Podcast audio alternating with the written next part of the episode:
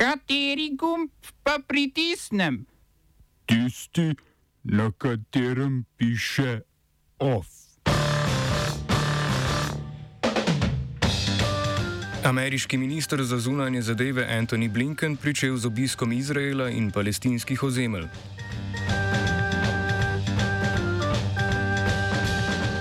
V Maliju vojska znova izvedla državni udar. Evropsko sodišče za človekove pravice razsodilo, da je britanska obveščevalna služba kršila pravico do zasebnosti.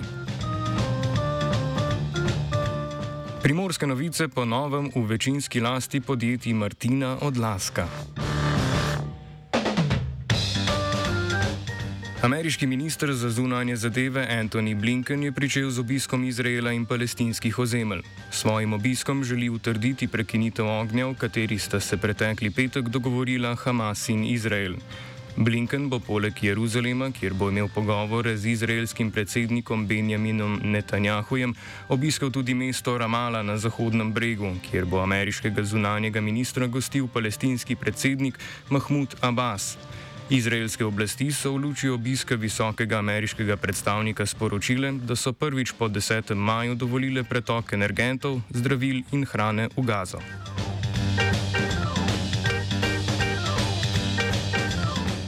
V Ekvadorju je zaprisegel novi predsednik Guillermo Lasso. Nekdani bankir in pripadnik konzervativnega političnega pola je aprila premagal Andresa Arausa.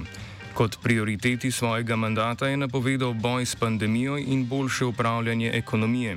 Slednje bi izboljšal s programi zaposlovanja in z uravnoteženjem financ. Hkrati bi kot uradno valuto ohranil ameriški dolar.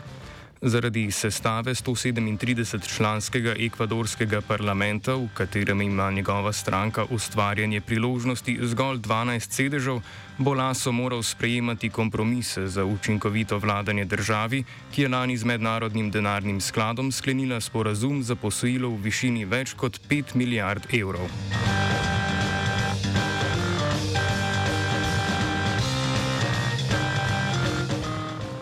Malijski vojaki so oduzeli prostost predsedniku države Bahu Ndavu, predsedniku vlade Moktarju Owanu in novo imenovanemu ministru za obrambo Sulejmanu Dukureju.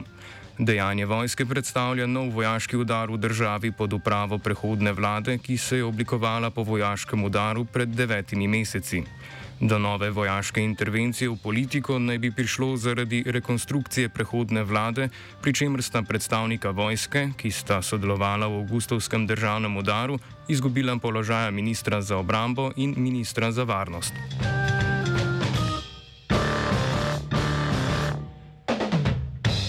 Evropski svet je sprejel sankcije zoper Belorusijo po njeni nedeljski preusmeritvi letala družbe Ryanair v Minsk. Letalo naj bi po navedbah beloruskih oblasti lahko na krovu imelo bombo, vendar policisti ob prihodu v Minsk bombe niso našli. Z letala pa so odpeljali beloruskega novinarja in opozicijskega aktivista Romana Protaševiča. Zaradi tega je Evropska unija beloruskim letalskim prevoznikom prepovedala leteti skozi zračni prostor držav članic, hkrati pa je pozvala letalske prevoznike iz članic EU naj ne izvajo letov čez beloruski zračni prostor.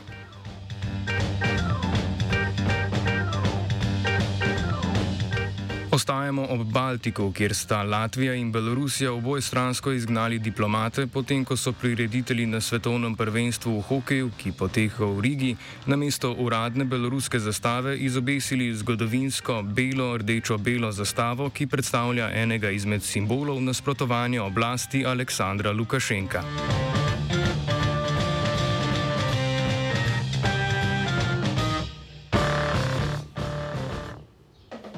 Evropsko sodišče za človekove pravice je razsodilo, da je britanska obveščevalna agencija, znana pod kratico GCHQ, odgovorna za elektronsko vohunjenje, da je kršila pravico do zasebnosti in da postopek zbiranja podatkov ni bil v skladu z zakonom.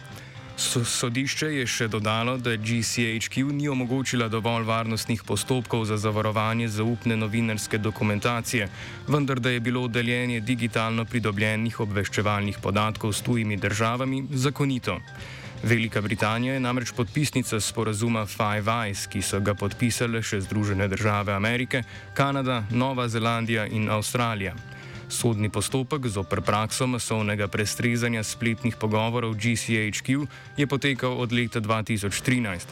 Sprožile so ga nevladne organizacije, potem ko je Edward Snowden razkril množično zbiranje podatkov, ki so se ga posluževale zahodne varnostno-obveščevalne agencije.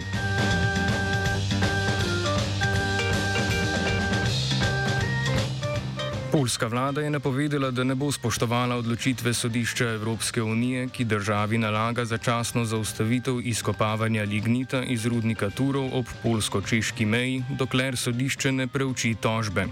Po mnenju polskih oblasti bi zaustavitev ogrozila energijsko oskrbo.